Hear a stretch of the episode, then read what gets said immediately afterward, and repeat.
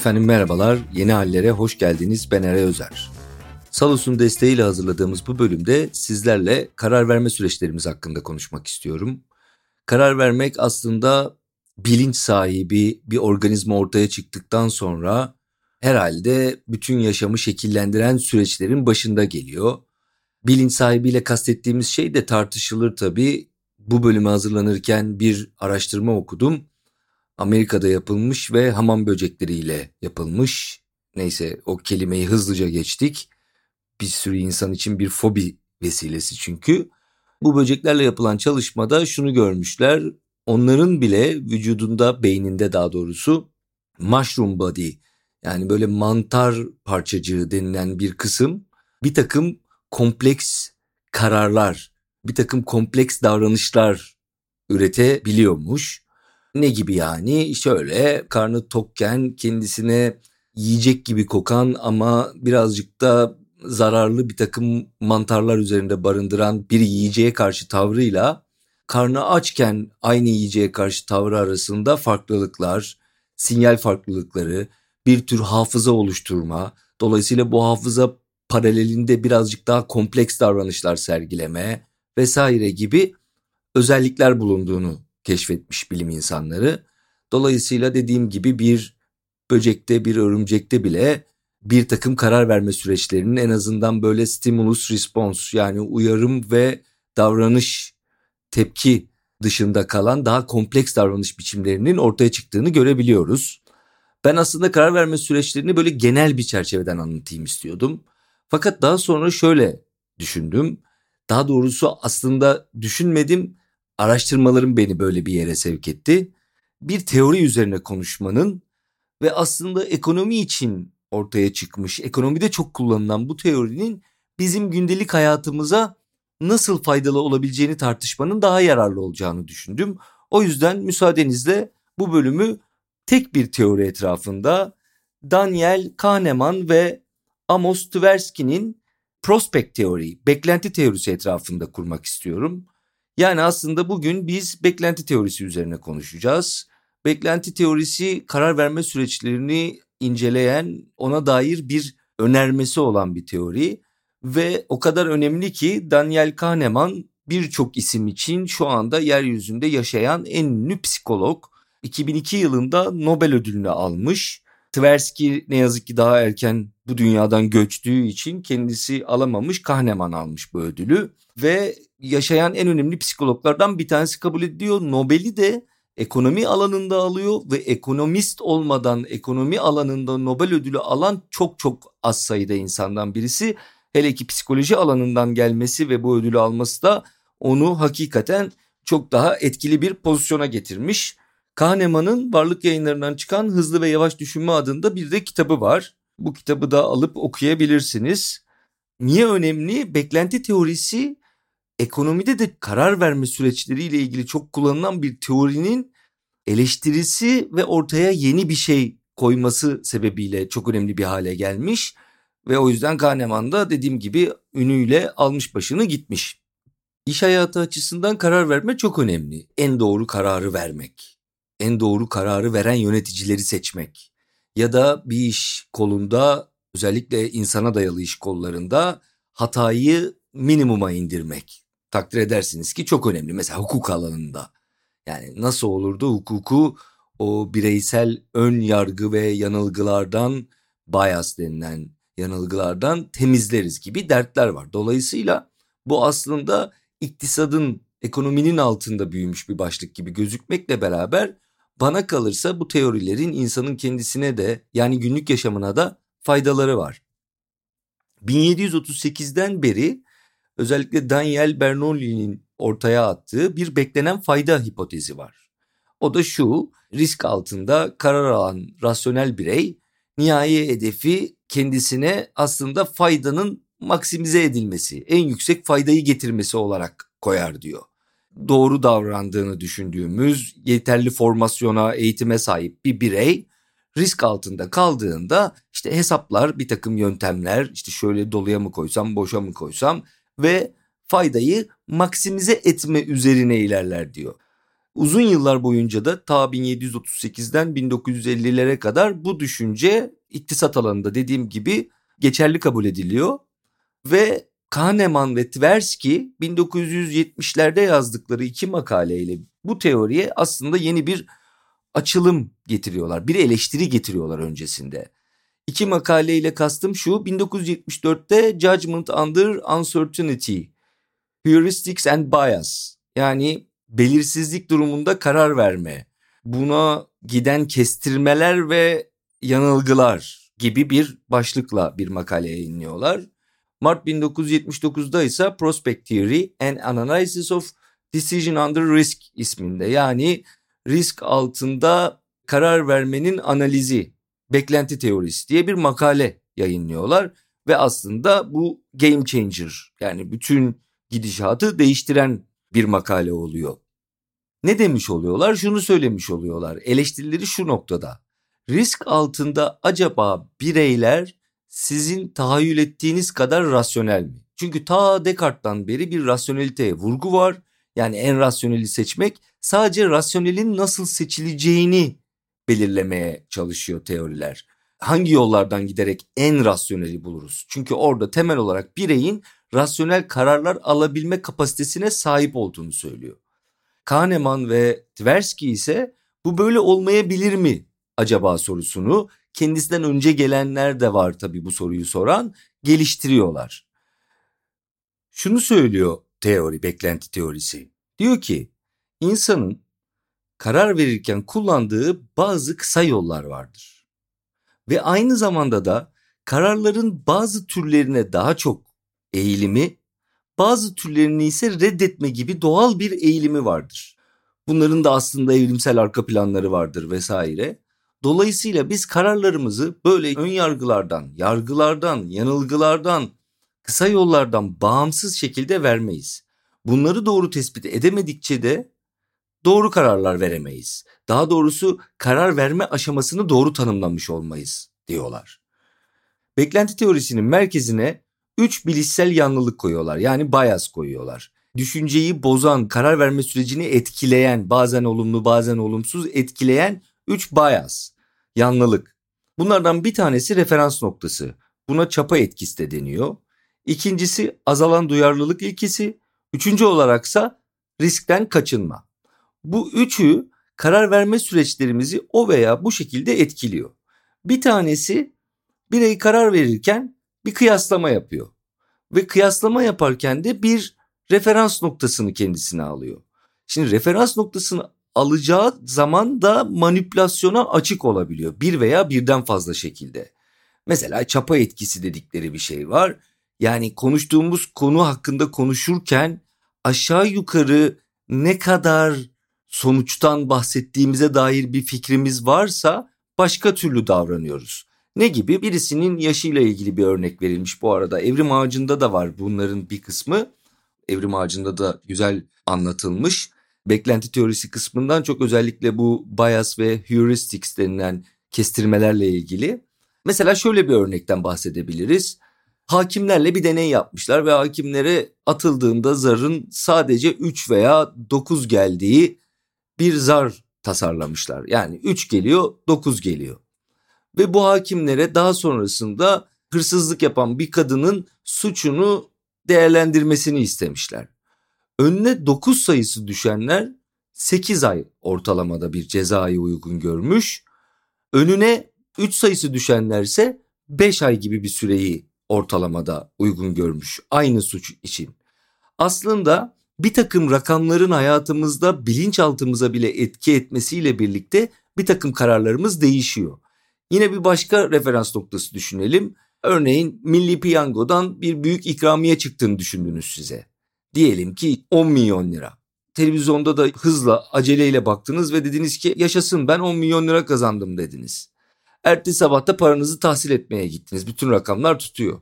Ve bir baktınız orada şeyi fark ediyorsunuz. Aslında rakamlardan bir tanesi değişikmiş.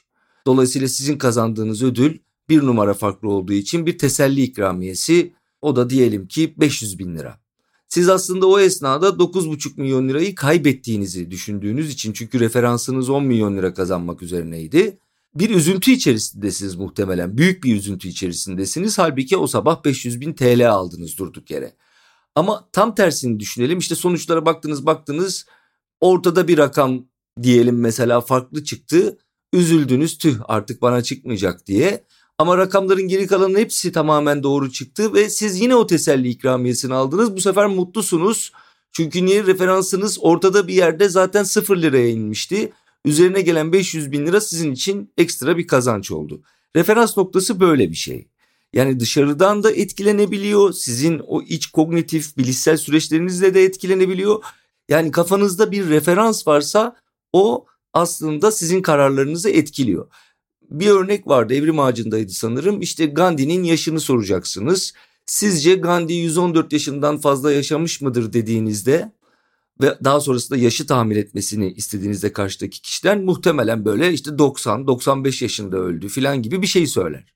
35 yaşın üzerinde yaşamış mıdır, yaşı nedir diye sorsanız işte 50-55 der. Yani daha en başta verdiğiniz bir takım ipuçlarıyla vereceği cevabı alacağı kararı manipüle etmiş oluyorsunuz.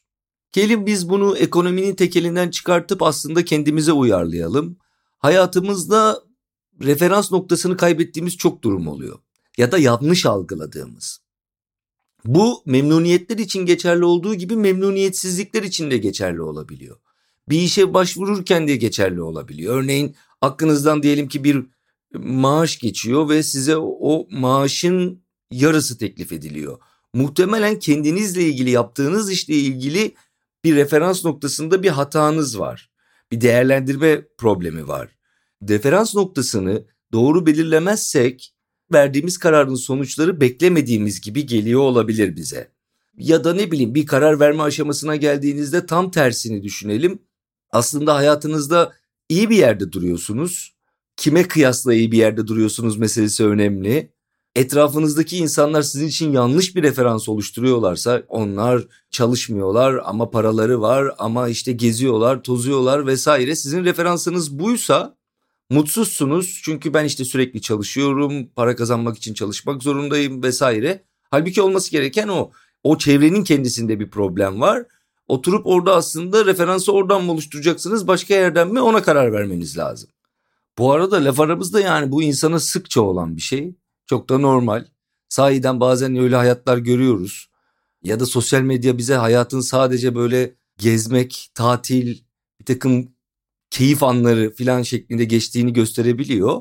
Zannediyoruz ki oradaki insanların da bütün zamanı öyle geçiyor. Herkes keyifli, herkes eğleniyor, bir yerlere gezmeye gidiyor vesaire. Sonra biz de kendi kendimize ya ben niye böyle yaşamıyorum? Bende bir sorun var.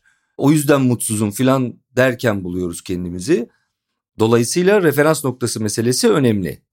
İkincisi azalan duyarlılık ilkesi. Aslında adı üstünde bir takım duyarlılıklarımız karar verirken değişim gösteriyor. Bu duysal boyutta da olabilir.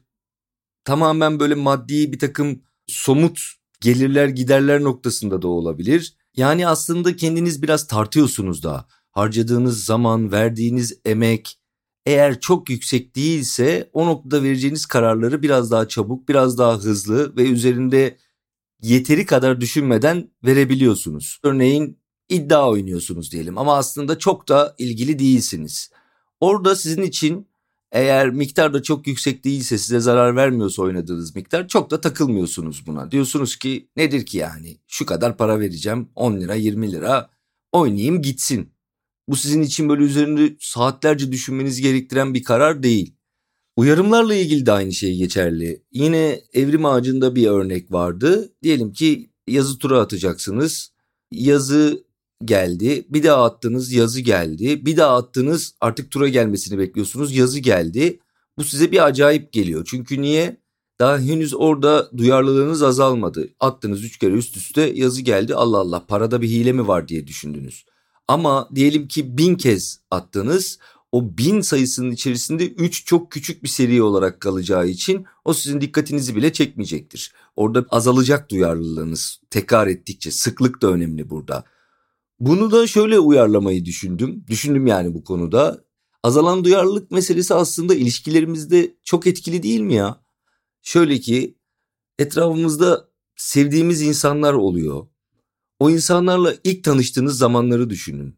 Aslında onlara karşı davranışlarınızda ne kadar itinalıydınız? Ne kadar ihtimam gösteriyordunuz? Ne kadar kibardınız?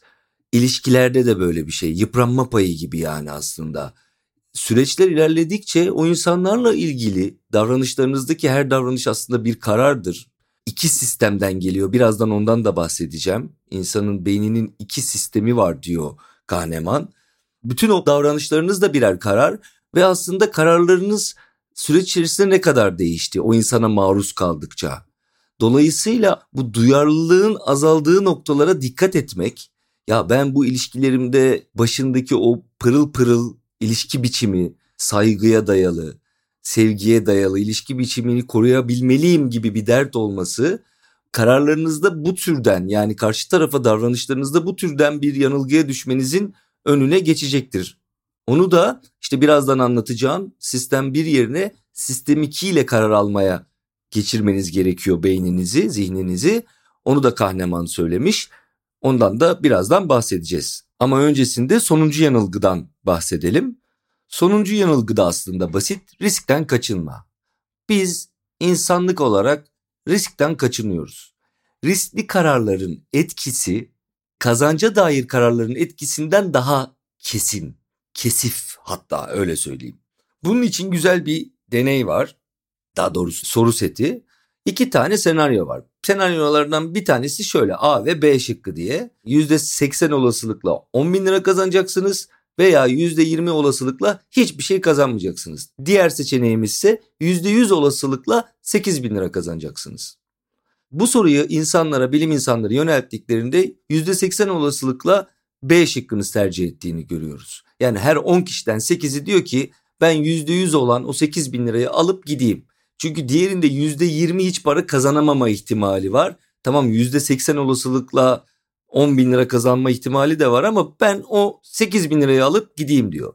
İkinci senaryoda ise %80 olasılıkla 10 bin lira kaybedeceksiniz veya %20 olasılıkla hiç para kaybetmeyeceksiniz. B şıkkı ise %100 olasılıkla 8 bin lira kaybedeceksiniz. Burada da şöyle tahmin ettiğiniz gibi tam tersi A şıkkı %92 ile tercih ediliyor. Özellikle daha çok tercih edilmesinin sebebi kesinlikle kaybedeceğimiz %100 ki kaybetmemizin garanti olduğu bir noktada bulunmak istemiyoruz. Halbuki daha az kaybedeceğiz. Ötekinde %80 olasılıkla 10 bin lira kaybetme gibi bir riskimiz var. Arada 2 bin lira fark var ama olsun ya %20 olursa ve hiç para kaybetmezsem duygusuyla deneklerin %92'si burada da A şıkkını seçiyor. Buradan şunu söylüyor Kahneman ve Tversky. Söz konusu risk olduğunda biz hemen o riskten uzaklaşmak yani kaybedeceğimiz kesinse oradan uzak dururuz. Kazanç olduğunda ise tam tersi daha az da olsa garanti olan yerde konumlanırız. Orada o kadar elimizi korkak alıştırmayız. Garanti olana doğru gideriz. Diğerinde de yani yüzde yirmi kaybetme hiçbir şey kazanamama ihtimali var. Riskli durumlardan kaçınırız diyor. Bunun böyle olmasını da birazcık insanın doğasına, eğrime vesaireye bağlıyorlar. Nasıl yani? Şöyle risk demek insanın hayatının da riske girmesi demek. Keza kazanç ya da kayıp da aynı yerde duruyor. Daha çok para kaybettiğinizde bu sizin için daha tehlikeli bir durum olabilir. Dolayısıyla o tehlike arz eden riskli durumlarda her zaman için daha keskin davranıyorsunuz. Burada değerin 1'e 2 olduğu söyleniyor. Şöyle 10 liralık bir kaybın etkisiyle 16 ila 25 liralık bir kazancın etkisi birbirine eş güçte. Güç burada önemli olan. Yani bu ne demek? 16-25'in de ortalamasını alırsak aslında 10'a 20 gibi 10 liralık kayıp bizim için 20 liralık kazançla eşit seviyede ancak kompanse ediyoruz ağırlığı tartarken bir karar verirken vesaire. Çünkü genellikle dediğim gibi kayıplar daha önemli. Oradan kaçınmak bizim için daha önemli. Kahneman'ın iki sistemi var demiştim. Beynimizin iki şekilde çalıştığını söylüyor karar verme aşamalarında.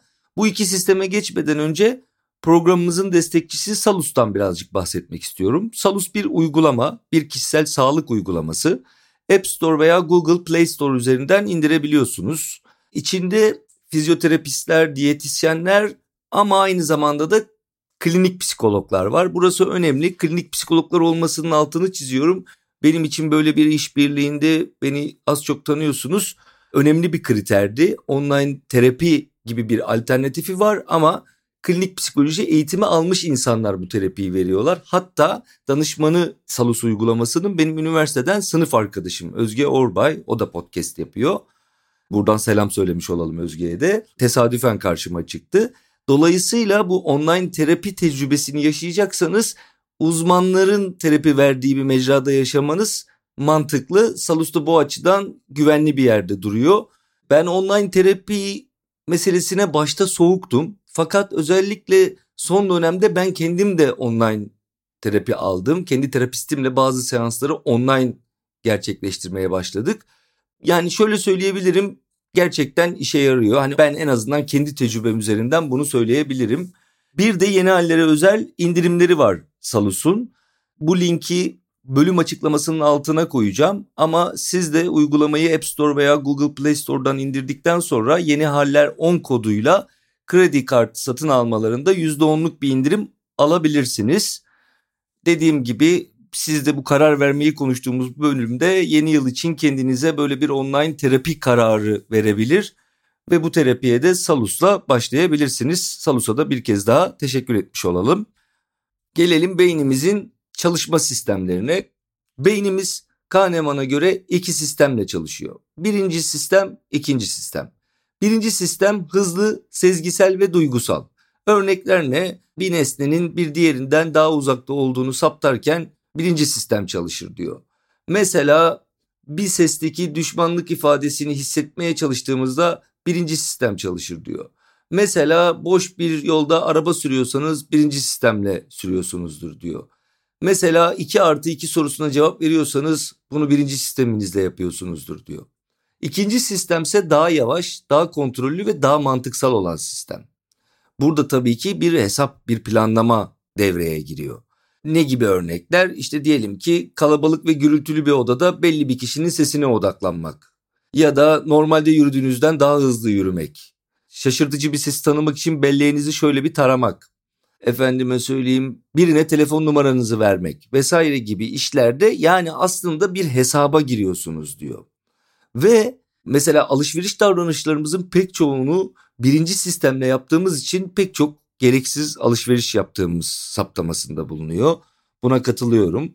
Aslında biraz evvel bahsettiğimiz hani bunun ekonomi alanından bize uygulandığı alanda da konuştuğumuz meselelerde de birazcık dönüp kendimize baktığımızda ilişkilerimize dair bir takım kararları verirken özellikle küçük kararları yani nasıl anlatayım bu akşam eve geç geleceğim veya gelmeyeceğim derken o akşamın özel bir akşam olup olmadığını hesap etmemek örnek olsun diye söylüyorum. Yani birinci sistemle böyle bir kararı verdiniz gitmeyeyim dediniz.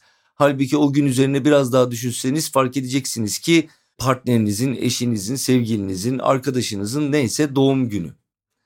Tabii ki bütün kararlarda her zaman için oturup da bunu yapmak insanı çok yorar, delirtir vesaire ama mümkün olduğunca ikinci sisteme dayalı kararlar vermenin özellikle kritik olduğunu düşündüğümüz kararlarda önemli olduğunu söylüyor Kahneman.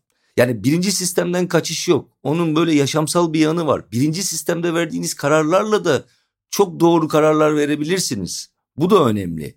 Ama birinci sistem hızlı. Böyle hani daha sezgisel, anlık, geçiyor, devam ediyor.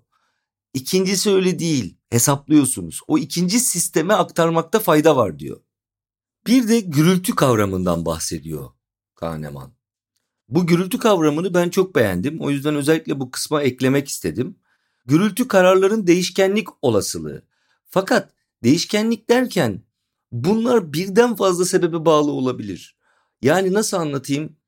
Ön yargı gibi değil. Ön yargı şöyle. Ön yargı belli bir yönde değişmesi veyahut da belli bir kişi tarafından yani çalışan insanlar için düşünün çalışanlarınızın bir kısmının bir takım yanlış kararlar aldığını görüyorsunuz. Ama gürültü öyle değil. Aynı kişi farklı zamanlarda farklı kararlar alabiliyor. Ve bu kararların da kendi içinde de bir tutarlılığı yok. Belli bir yöne doğru değil. Ön yargı öyle değil. Tartı örneğini vermiş mesela. Şöyle bir tartı eğer çok yüksek tartıyorsa sizi veya çok alçak tartıyorsa buna ön yargı diyebiliriz.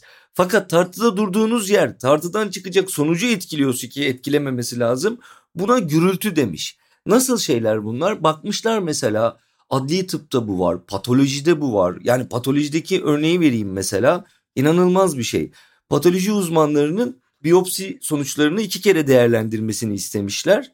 Yani iki farklı zamanda ve bu iki değerlendirme arasındaki korelasyon sadece 0.61 çıkmış. Neredeyse yarı yarıya. O kadar farklı ki değerlendirdikleri şey birebir de insan hayatını etkileyecek bir biyopsi sonucu yani. Karşı tarafa patolojiden çıkan, biyopsiden çıkan sonucun derecesi nedir? Şu kadar tehlikeli, bu kadar tehlikesiz filan gibi bir şey söyleyeceksiniz. 0.61 korelasyon çıkmış. Parmak izi ölçenlere bakmışlar keza öyle. Eşleşen parmak izi bulamıyor ama başka bir sefer yaptığında buluyor vesaire. Mesela yazılımcılara farklı günlerde verilen bir işin tamamlanma süresini sormuşlar. Sonuçlar %71 değişiklik göstermiş. İnanılmaz yani birisi bir saat demiş ama aynı kişi başka gün sorulduğunda başka bir saat vermiş. Başka bir kişiye sorulduğunda o başka bir saat vermiş ve buna gürültü deniyor. Yani özellikle insanların kendi inisiyatifiyle verdiği kararlarda bu gürültüye çok sık rastlanıyor. İnsan günün belli saatlerinde hava lodosken, bulunduğu ortam soğukken, sıcakken vesaire farklı tepkiler verebiliyorlar.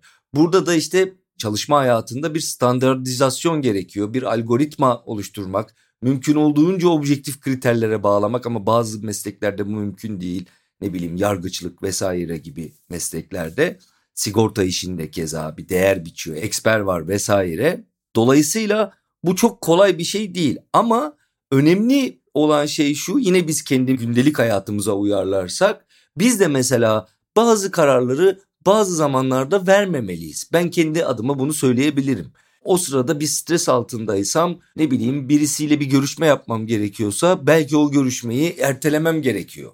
Çünkü o sırada kafam asla orada değil. Hakikaten o insanla yapacağım görüşmenin içeriği vesairesiyle ilgili zarar verebilecek yani kararımı başka bir günde tamamen değiştirebileceğim bir sonuç sağlayabiliyor.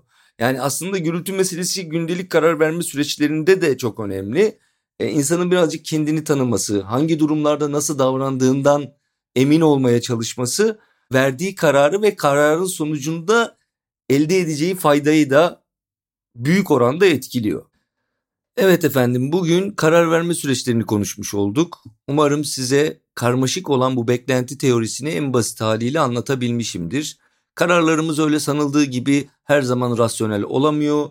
Kahneman'ın da söylediği gibi bazen havanın durumundan bile etkilenebiliyor. Önemli olan bunların ayırdına varmak. Buna rağmen hatalı karar vermeyecek miyiz? %100 vereceğiz. Böyle bir durum söz konusu bile değil. Kimi kararlar diğerlerine göre özgül ağırlıkları bakımından çok daha farklı olabilirler. Çok daha farklı sonuçlar doğurabilirler. Karar verme noktasında profesyonel yardım almamız gerektiğinde de dediğim gibi mesela bu bölümün destekçisi olan Salus'u indirip oradan bir klinik psikologdan online görüşme talep ederek kararlarınızı danışabilir ya da en azından bu kararları verme sürecine giderken kendinizi daha iyi tanıyabilirsiniz. Çünkü bugün anlattığım şey de aşağı yukarı aslında bununla ilgili. İnsanın bu karar verme sürecinde yaşadığı bu tür yanılgılar, ön yargılar, kullandığı kestirmeler gibi durumlar aslında kararların sonuçlarını etkiliyor. İnsan kendisini ne kadar iyi tanırsa, ne kadar karar verme süreçlerinde bu süreçleri mümkün olduğunca kendisini ve davranışlarını mümkün olduğunca gözden geçirirse o kadar sağlıklı kararlar alma ihtimali de artıyor. Solusu App Store veya Google Play Store üzerinden indirdikten sonra yeni haller 10 koduyla kredi kartı satın alımlarında %10 indirimle kullanabilirsiniz. Bu da yeni yıla ait bir kararınız olabilir diyerek bölümü kapatıyorum efendim. Kalın sağlıcakla.